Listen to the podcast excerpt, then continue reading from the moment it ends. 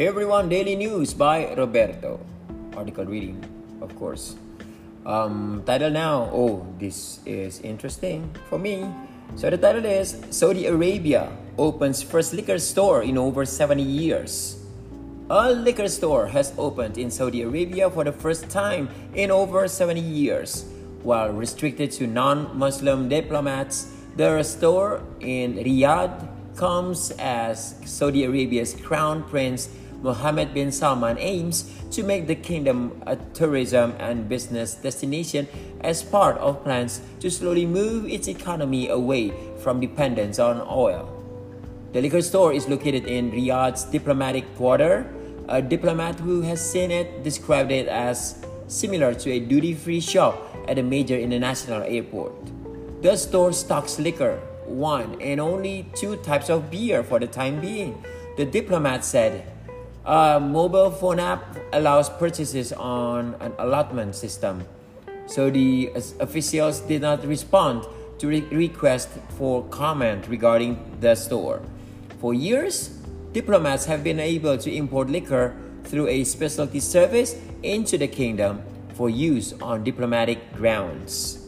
Those without access in the past have bought liquor from illegal suppliers or made their own. However, the U.S. State Department warns that those convicted of consuming alcohol can face long jail sentences and severe punishments. Saudi Arabia remains one of the few nations in the world with a ban on alcohol, along with its neighbor Kuwait, Kuwait and Sharjah in the United Arab Emirates. Oh, Saudi Arabia banned alcohol in the early 19, 1950s. Oh, wow, long time ago.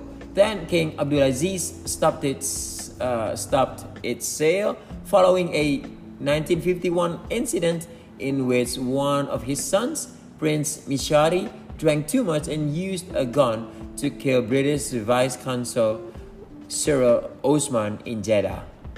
Until recently, Saudi Arabia's ruler only became even more conservative.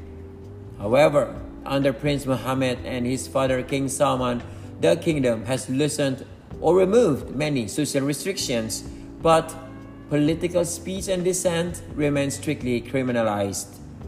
As Saudi Arabia prepares for a $500 billion futuristic city project called NEOM, there have been reports that alcohol could be served at a beach resort there. Thank you so much everyone for listening. I'll see you again. Um, please tell me what you think about this article. How if only this this podcast got has this podcast got comment section hopefully but hopefully this article would uh, would be found interesting for you see you bye bye everyone